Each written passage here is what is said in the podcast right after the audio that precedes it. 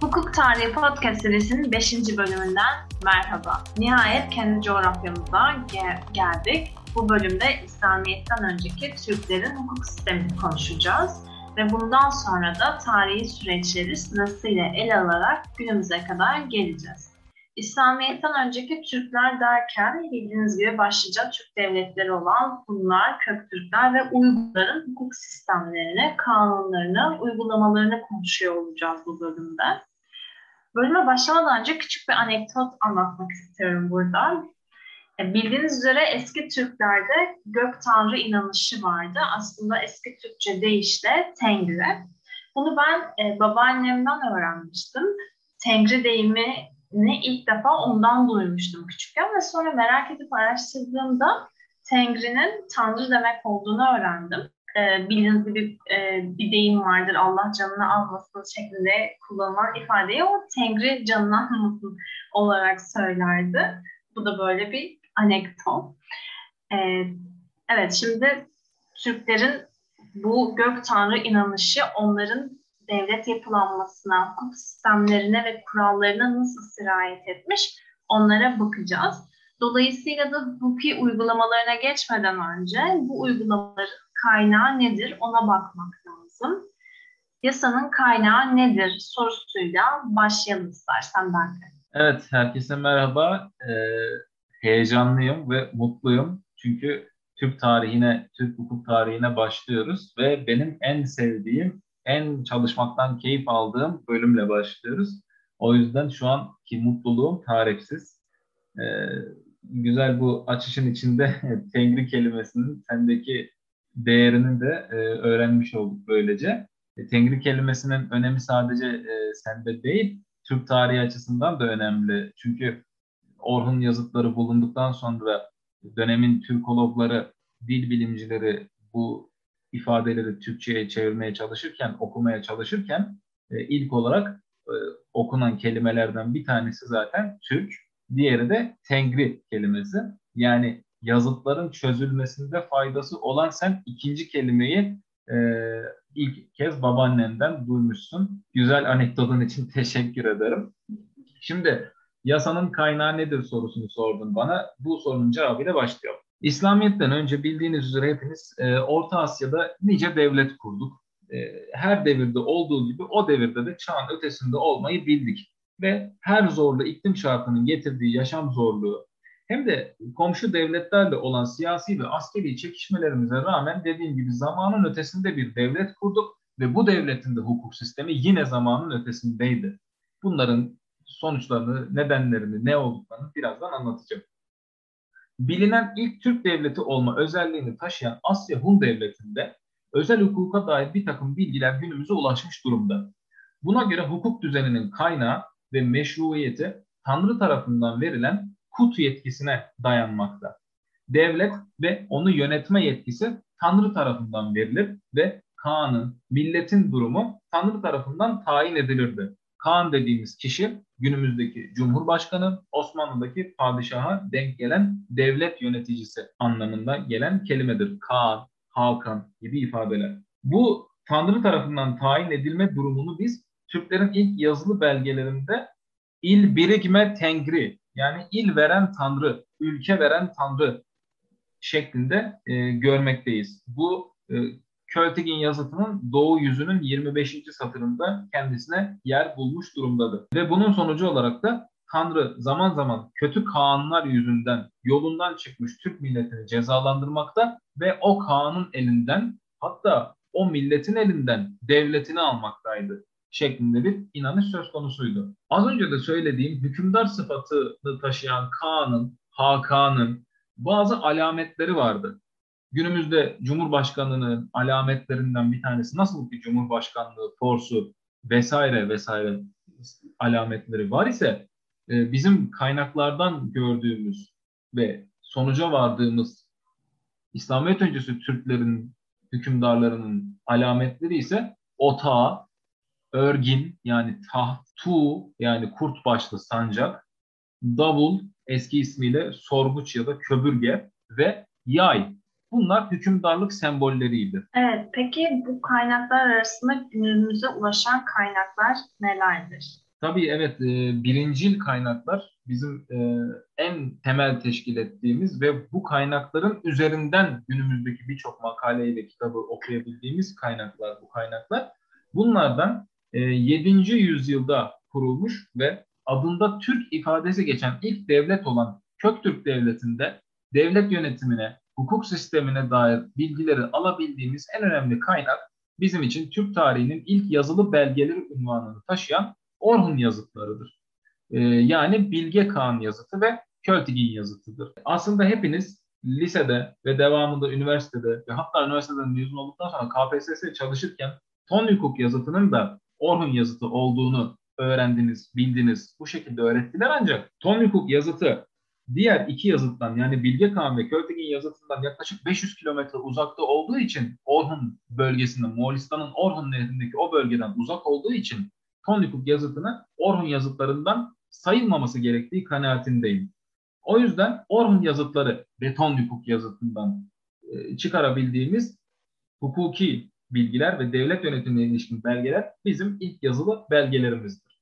Bu belgelerin içerisinde ceza hukuku ve özel hukuka dair birçok bilgi elimizde bulunmaktadır. Köktürk Devleti'nden sonra kurulmuş olan bir diğer Türk devleti olan Uygur Devleti'nden ise elimize birçok kaynak gelmiş bulunmaktadır. Çünkü önceki devletlerden, önceki Türk devletlerinden farklı yaşayış ve inanış özelliklerine sahip oldukları için ve en önemli şekilde de yerleşik hayata geçtikleri için günümüze çok daha fazla kaynak ulaşmış durumdadır. Hem taşa kazınmış hem de kağıda yazılmış şekilde eserler mevcuttur. Uygur Devleti'nden sonra ise tarih sahnesinde yerini alan Karahanlı Devleti'nde ise hem tarihi hem felsefi hem de hukuki açıdan birçok önem taşıyan ve değerlendirilmeye günümüzde bile hala muhtaç olan 1069 yılında Kaşgar kentinde Balasagunlu Yusuf sonradan Has Hacip ünvanını alacak olan Yusuf Has Hacip tarafından kaleme alınan Kutatlı Bilik yani mutluluk veren bilgi adlı eser Karahanlı hukukunun, Karahanlı devlet yönetiminin ve Karahanlı adalet anlayışı hakkında bizlere çok sayıda bilgi veren nadide bir eserdir. Peki bu e, eski Türklerdeki bu hukuk kurallarından töre dendiğini biliyoruz. Bunun, bundan bahsedelim biraz. Töre ve bunun önemi neydi? Eski Türklerde? E, bu soruya şöyle yanıt verebilirim Sena. E, eski Türklerde siyasi ve siyasi ve sosyal hayatı düzenleyen hukuk kurallarına biz töre adını vermekteyiz. Töre her ne kadar günümüzde ülkenin belli başlı kesimlerinde e, hala varlığı olan ve anlamı ilk çıktığı zaman olan bu hukuk kuralları bütününe verilen anlamdan çok çok daha daralarak günümüze gelen bir kavram aslında töre. Aslında törenin günümüzdeki karşılığı mevzuat. Yani bütün hukuk kurallarının toplandığı o külliyata verilen ad. Türklerde devletin varlığı töreye bağlıdır. Yani töre olmazsa, hukuk kuralı olmazsa devlet de olmaz. Yani adalet temelli, hukuk kuralı temelli bir devlet olduğumuzu söyleyebilirim. Devlet töre hükümleri çerçevesinde yönetilir ve bu töre çok önemli bir şekilde yazılı değildir. Töreye uymak çok önemlidir. Törede asıl olan adalet, eşitlik, iyilik ve insan sevgisidir. Töreyi uygulamamak en büyük suç sayılmaktadır. Hükümdar dahil herkes töreye uymak zorundadır. Töre ne zaman yazılı hale gelmiştir? Göçebe hayat son bulup da yerleşik düzene geçinen Uygur döneminde yazılı hale gelmiştir. Peki diyeceksiniz ki bu törenin kaynağı neydi arkadaş? Törenin üç tane kaynağı vardı. Bir tanesi Kaan. Kaan'ın ağzından çıkan her şey kanun vasfındaydı. Yani töreydi. İkincisi kurultaylarda alınan kararlar. Kurultayın ne olduğunu ve mahiyetini birazdan söyleyeceğim. Ama özet verecek olursam günümüzdeki Türkiye Büyük Millet Meclisi'nden çıkan şeyler de töredir yani mevzuata dahildir. Ve üçüncüsü yosun. Bu denizlerdeki yosundan bahsetmiyorum. Yosun toplum içinde kendiliğinden yavaş yavaş ortaya çıkan gelenek görenek kuralları. Yani günümüz medeni kanununa bakacak olursanız örf ve adet kısmına işte örf ve adet hukuku günümüzde eski Türklerde yosun anlamına gelmekteydi. Şöyle değerlendirmelerde bulunmaya başlayabilirim sana müsaadenle. Ee, Kaan töreye uymakla mükelleftir. Yani yönetenler, yönetilenler gibi hukukla bağlıdır. Eğer içinizden beni dinleyenlerden Ankara hukuk mezunu varsa, Levent Gönenç'ten anayasa hukuku dersi alanlar varsa bu cümleyi çok iyi hatırlayacaklardır. Bu cümle nedir? Hukuk devletinin tanımıdır. Hukuk devleti yönetilenlerin, yönetenlerin yönetilenler gibi hukukla bağlı olduğu devlet modelidir. Biz bunu 2021'de halen tartışmakta iken 700'lü yıllarda, 800'lü yıllarda kurulmuş olan Türk devletlerinde kanun üstünlüğünün ve yöneticilerin de kendi koydukları kurallarla bağlı olduğu bir devlet modeli olduğunu görmekteyiz. Devam edecek olursa törede bir değişiklik yapılacaksa nasıl olacaktı? Buna ancak kurultayda karar verilirdi. Kurultayda töre değişiklikleri yapılabilirdi. Kurultayda halktan da üyeler bulunmaktaydı. Biz şunu görüyoruz burada. Bu organ bir yasama organıdır ve kanunların hazırlanmasında halk da etkilidir. Halkın da oyu eğer geçerliyse orada mecliste bulunmaktaysa o zaman yasama sürecinde halk da sürece dahil olmaktadır. Bunun dışında devlet ailenin ortak malı sayılmaktadır. Osmanlı'da da böyleydi. Ailenin tüm erkek üyeleri devlet yönetiminde söz sahibidir. Bu üyelerden birisi Kaan seçilse bile aslında diğerlerinin de devleti yönetme hakkı devam etmekteydi. E, Halil İnalcık hocamız kendi yazmış olduğu kitabında e, böyle bir görüşe yer vermekte. Yani örnek verecek olursak Bilge Kağan başa geçtiğinde ikinci Köktürk Devleti'nde yöneten Bilge Kağan olmakla birlikte kardeşi Költig'in de devleti yönetme hakkına sahipti ve yetkisi mevcuttu demek istiyor Halil İnalcı'nın görüşü. Nasıl ki günümüz anayasasında değişmesi teklif dahi edilemeyecek maddeler mevcutsa Köktürk Devleti'nde de törenin bazı hükümleri değişmez nitelikteydi. Bunları sayacağım size. KPSS çalışanlar varsa aranızda hatırlayacaklardır. Könilik yani adalet, uzluk yani iyilik, faydalılık, tüzlük yani eşitlik ve son olarak kişilik yani insanlık. Ee, şu konuya geçelim o halde. Tüm bu kaynaklara göre ilk Türkler devlet yapılanmalarını nasıl ve ne şekilde oluşturdular? Yönetim şekilleri nasıldı? Çünkü bildiğim kadarıyla onlarda imparator yoktu. Dolayısıyla ilk Türk devletlerine devlet düzeni ve teşkilatı nasıldı? Burada şöyle büyük bir hatayla e, başlamak istiyorum. Ona yer vererek başlamak istiyorum. Türk eski İslamiyet öncesi Türklerde de İslami devir Türklerde de hiçbir şekilde imparatorluk söz konusu değildir. Biz e, bunu ders kitaplarına da yanlış şekilde geçirildiğini görüyoruz. Bazı haritalarda Göktürk İmparatorluğu ya da Karahanlı İmparatorluğu ya da Selçuklu İmparatorluğu, Osmanlı İmparatorluğu gibi ifadeler görüyoruz. Bu ifadeler kesinlikle yanlıştır. Çünkü imparatorluk dediğimiz şey temelinde emperyalizmi yani sömürgeciliği e, temeline koyan ve buna bağlı olarak topraklarını genişleten ve fethettiği yerlerdeki halkı sömüren devlet modeli demektir imparatorluk. Yani Türkler bugüne kadar e, hiçbir şekilde bir sömürgecilik faaliyetiyle uğraşmadıklarından dolayı kurulmuş devletlerin de isminin imparatorluk olması, niteliğinin imparatorluk olması da yanlıştır. Ve buna bağlı olarak devlet yöneticilerinin de imparator sıfatını alması bir o kadar yanlıştır. O yüzden e, kullandığımız ifadelerde Köktürk Devleti, Osmanlı Devleti, Selçuklu Devleti gibi ifadeler kullanmak çok daha doğru olacaktır. Bu yüzden Türklerin tarihsel gelişiminde Kaan, Hakan, Sultan, Padişah, Cumhurbaşkanı gibi ifadeler vardı. Ancak imparator şeklinde bir tabirimiz, bir hükümdar ünvanımız yoktur. Bu hataya düşmemek gerekir diyorum ve şimdi ilk Türk devletlerindeki devlet düzenine ve teşkilatına geçmek istiyorum. Roma'da da Yunan'da da olduğu gibi Orta Asya Türk toplumlarında da toplumu oluşturan temel yapı taşı ailedir. Orta Asya Türk toplumlarındaki hiyerarşi şu şekildeydi. Oguş yani aile. Oguşların birleşmesiyle uruglar oluşmaktaydı. Yani soylar. Urugların birleşmesiyle bodlar yani boylar oluşmaktaydı. Bodlar birleşerek budunu yani milleti, budunlar birleşerek ise ili yani devleti oluşturmaktaydı. Şimdi İslamiyet öncesi Türk toplumlarındaki devlet görevlilerini ve görevlerinin neler olduğunu sizlere aktarmak istiyorum. Buyruk. Buyruk dediğimiz kişi günümüzdeki bakan denilen kişiye tekabül etmektedir. Yabgu. Yabgu dediğimiz kişinin günümüzde bir karşılığı yoktur. Ve o zamanki görevi şudur. Ülkenin batı bölümünü yöneten kişidir ve genellikle de hükümdarın erkek kardeşi olmaktadır. Bir diğerine geçelim. Tegin. Tegin hükümdar çocuklarının kullandığı ünvandır. Günümüzde bir karşılığı olmamakla beraber Osmanlı'daki karşılığı şehzadedir. Bir diğerine geçiyorum. Ayukı. Ayukı 2017 öncesi Türkiye Cumhuriyeti devlet sistemindeki hükümete tekabül etmektedir. Yani Bakanlar Kurulu. Aygucu. Aygucu yine 2017 öncesi Türkiye Cumhuriyeti devlet sistemindeki başbakana denk gelmektedir. Bitikçi. Bitikçi e, o zamanki göreviyle yazışmaları yürüten görevli. Yani katip. Tarkan.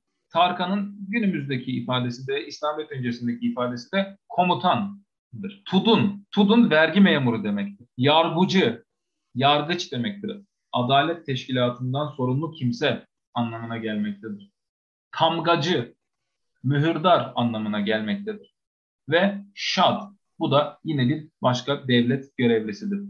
Vezir karşılığı olduğu söylenmektedir. Gayet enteresan bilgiler oldu bizim için de.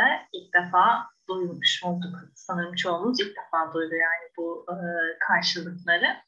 Peki, e, ilk Türk devletlerinde hukuki yapı nasıldı? Ona geçelim biraz daha. Hukuk sistemlerini ele alacak olursak. Tabii. E, Türk devletlerinde e, az önce de söylediğim gibi devlet yöneticilerine farklı ünvanlar verilmiştir. Asya Hun Devleti'nde Şan Yu, Köktürk Devleti'nde Kaan, Karahanlı Devleti'nde Han şeklinde bu ifadeler karşımıza çıkmaktadır. Az önce de söylediğim gibi Göktanrı inanışının adaletli bir yönetim e, istediğinden dolayı da Türkler hiçbir zaman imparator ünvanı almamıştır. Türklerde yargı adı verilen mahkemeler vardır. Bu mahkemeler yüksek mahkeme özelliğindedir ve bu mahkemenin başında bizzat devlet yöneticisinin kendisi yani Kaan bulunmaktadır. Yalan ve hırsızlık başta olmak üzere de adi suçlara bakan mahkemeler de bulunmaktaydı. Bunların başında ise yargun ya da yargıcı adı verilen hakimler bulunmaktaydı. Yürütmeyi ve yasamayı pardon yürütmeyi ve yargıyı söyledikten sonra şimdi bir de yasamaya bakmamız gerekir.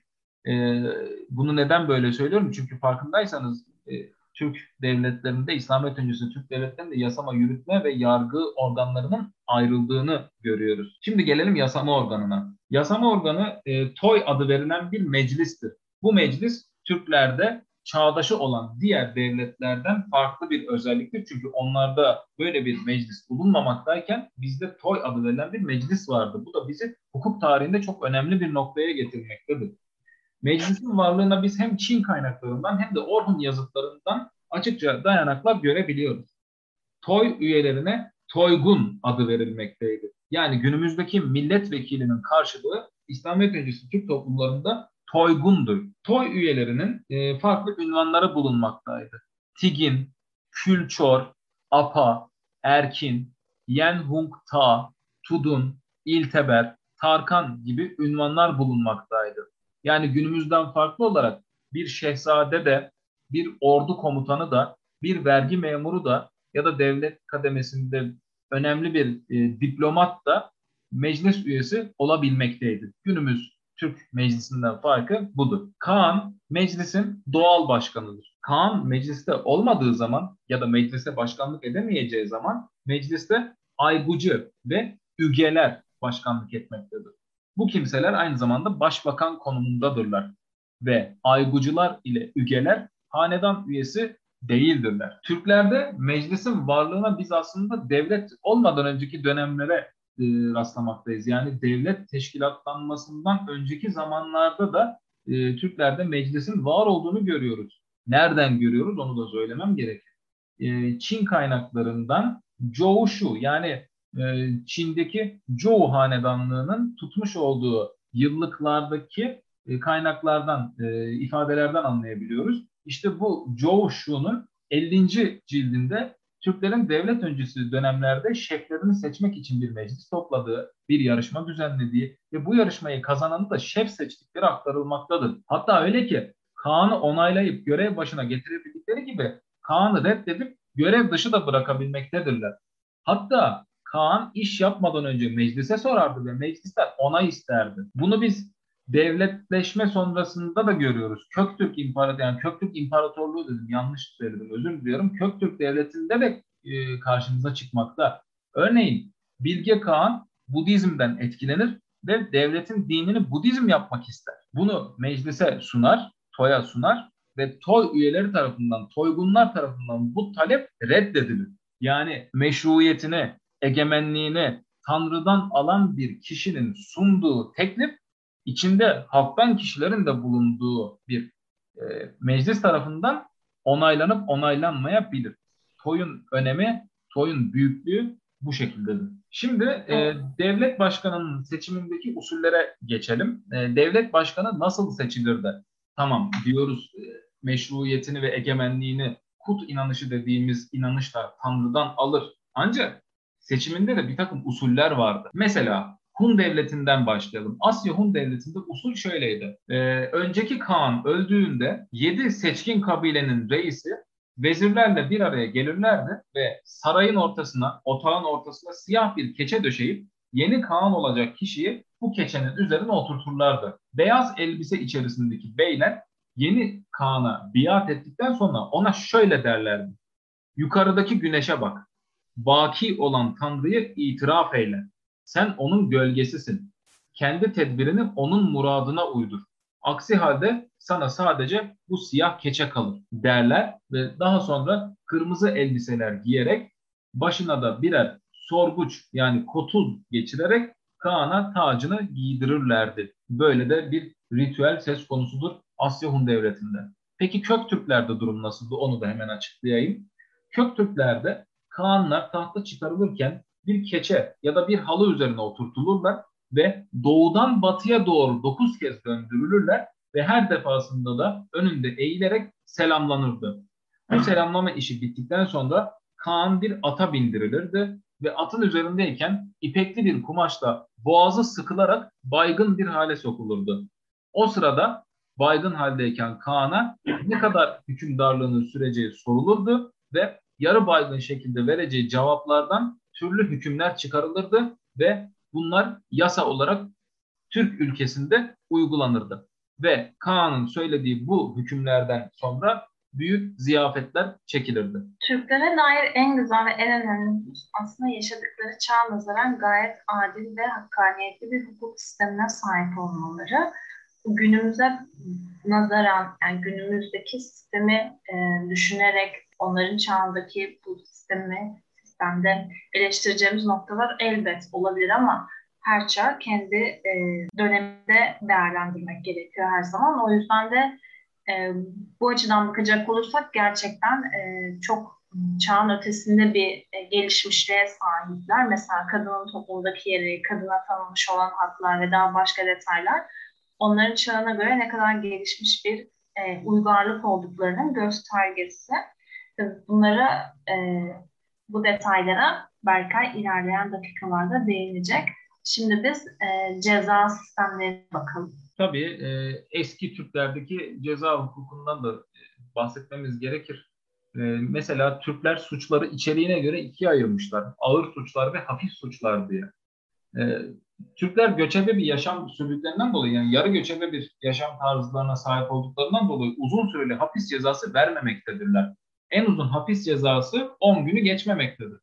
Ayrıca e, suçlunun cezası bizzat devlet tarafından anında verildiği için kan gütme olayına da rastlanmıyor, kısas cezasına da rastlanmıyor, e, intikam alma cezasına da, intikam alma olayına da rastlanmıyor. İhkakı hak da yok. Yani e, çağının gerçekten çok çok ötesinde her anlamda gerek devlet teşkilatı olsun, gerek adalet sistemi olsun, gerek cezalandırma sistemi olsun e, gerçekten çağının çok ötesinde bir devlet olmuş özellikle Köktürk devleti. E, kısa süreli hapis cezalarına ek olarak bir de Çin kaynaklarında e, görebildiğimiz e, şöyle bir bilgi var. Hapishanelerdeki mahkum sayıları ancak birkaç kişi zaten yarı göçebe e, kısa bir süre sonra o bölgeden ayrılacak gidecek. O yüzden hapishanelerde birkaç kişinin e, olduğunu görebiliyoruz. Şimdi müsaadenizle Türklerdeki bazı cezaları ve e, yani suçları ve bazı bunlara uygulanması gereken cezalardan bahsedeyim. Hun kanunlarına göre adam öldürmek maksadıyla bıçağını sıyırırsan idam cezasıyla cezalandırılırsın. Hafif cezayı gerektirecek bir fiil işlersen uzuv ezilmesi cezasıyla cezalandırılırsın. Adam öldürürsen idam edilirsin. Hırsızlık yaparken suçüstü yakalanırsan malına el koyulur ve ailenin hürriyeti kısıtlanır. Barış zamanındayken başkasına ok çekersen idam edilirsin. Zina yaparsan idam edilirsin. Cinsel istismar fiilini işlersen ağır para cezası ile cezalandırılırsın ve mağdur ettiğin kızla evlendirilirsin. Ordudan kaçarsan idam edilirsin. Vatana ihanet edersen idam edilirsin. Ceza hukuku bu şekildeydi. Bir de idari hukukundan bahsetmek istiyorum biraz da çok kısa bir şekilde. Devlet memurlarının kanunlarını e, ve devlet işlerini iyi bilip uygulamaları gerekmekteydi. Ve çok önemli bir husus var burada. Memuriyet babadan oğula geçen bir kurum değildi. Atama usulü vardı. Çağdaşı olan diğer dünya devletlerinde hür ve köle ayrımının yapıldığı, kölelerin eşya olarak görüldüğü, insanların aynı hukuki statüde olmadığı bir dünya düzeninde Köktürk Devleti'nin herkese özgürlüğünü vermesi, herkese eşit davranması ve gerçekten günümüz Türkiye Cumhuriyeti Anayasası'nın 10. maddesindeki eşitlik kurumuyla aynı şekilde bir eşitliği uygulaması gerçekten bana deseniz ki e, kök Türkler yani İslamiyet öncesi Türk devletlerinin e, çağdaşı olan diğer devletlerle arasındaki farkları sayar mısın deseniz belki de birinci sıraya ben bu hususu koyabilirim. Ne kadar çağ ötesinde bir devlet olduğumuzu e, gö- görmemiz açısından çok önemli bir husus. Birincisi memuriyetin atama usulüne tabi olması, ikincisi herkesin özgür olması, eşit olması diyebilirim. Ve bunun ardından da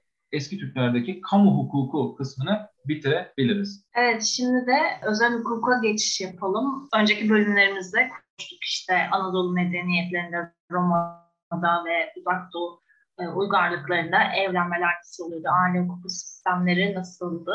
Şimdi Türk eski Türklerde hukuk sistemi nasıldı bu bakımdan? Kadının mesela konumu nasıl bu konuda? Onları konuşalım. Şöyle başlayabilirim evliliklerden başlayabilirim. Evlilikler annenin izni olmadan gerçekleşmemekte ve onun fikrine göre hareket edilmektedir. Evlenecek olan kıza erkek tarafı bugünkü mehirin karşılığı olan kalın vermek mecburiyetindedir. Çocuklar babanın velayeti altındadır. Eski Türk toplumlarında genellikle dıştan evlilik yani eksogami mevcuttur. Aile dini ve toplumsal değerlerle kutsanan bir kurumdur. Yani devletin temelidir.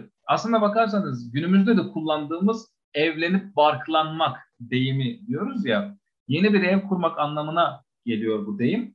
Aslında oradaki bark kelimesi mabet demektir. Yani yeni bir aile kurulması, bir mabet kadar kutsal bir çatı inşa edilmesi anlamına geldiği için evlenip barklanma deyimi eski Türklerden günümüze kalan çok nadide deyimlerden bir tanesi. Ailenin ve toplumun içerisinde kadının yeri Türklerin medeniyet seviyesini gösteren önemli bir ölçüttür. Bunlardan birazdan ayrıntılı değineceğim. Devam ediyorum. Uygun sebepler ortaya çıktığında kadın boşanma talebini dile getirebilir ve boşanabilirdi. Kocasının kendisine kötü davranış göstermesi, kocasının bir başka kadınla gayrimeşru ilişkide bulunması ve kocasının cinsel iktidarsızlığı gibi ailenin temelini sarsan durumlarda kadın boşanmak isteyebilir ve boşanırdı da. Yani şunu anlatmaya çalışıyorum. Günümüzde 4721 sayılı Türk Medeni Kanunu'nda düzenlenen boşanma sebeplerine bakınız. Bir de 1300 yıl önceki Türk kadınının sahip olduğu boşanma haklarına ve boşanma gerekçelerine bakınız ve değerlendirmesini size bırakıyorum. Gelelim miras hukukuna. Mirastan da kızlar ve erkekler eşit şekilde yararlanmaktaydı. Biz bu eşitliği ilerleyen yüzyıllarda Karahanlı Devleti'nden günümüze kalanlarda da görüyoruz. Örneğin Kutatku birlikte Aytoldu hikayedeki kahramanlardan bir tanesi. Aytoldu oğlu Ögdülmiş'e nasihat verirken oğul ve kız kelimelerini yan yana kullanmakta. Bir cümleyle örnek vereyim. Oğul kız hakikatte gören gözün nurudur diye bir cümle geçiyor. Hatta birçok yerde oğul kız ifadesi yan yana geçiyor. Bu da şunu gösteriyor bize. Karahanlı Devleti'nde cinsiyet ayrımını bilmiyorlar. Aynı şekilde biz Dede Korkut hikayelerinde de bunu görüyoruz. Oğul kız şeklinde nasihatler veriliyor. Cinsiyet ayrımından haberleri yok ama erkeğe de Dede Korkut hikayelerinde erkeğe de tavsiye veriliyor. Kadınla özen göster. kadınını koru, gözet diye. Ne kadar da günümüz medeniyetinden uzak bir medeniyet. Parantez içinde ünlem. Devam ediyorum. Gelelim e, Uygur Kanunu'na gelmeden önce araya şu ufak bir bilgiyi girmekte fayda görüyorum. Türk kadınının yine yeri ve önemi hakkında.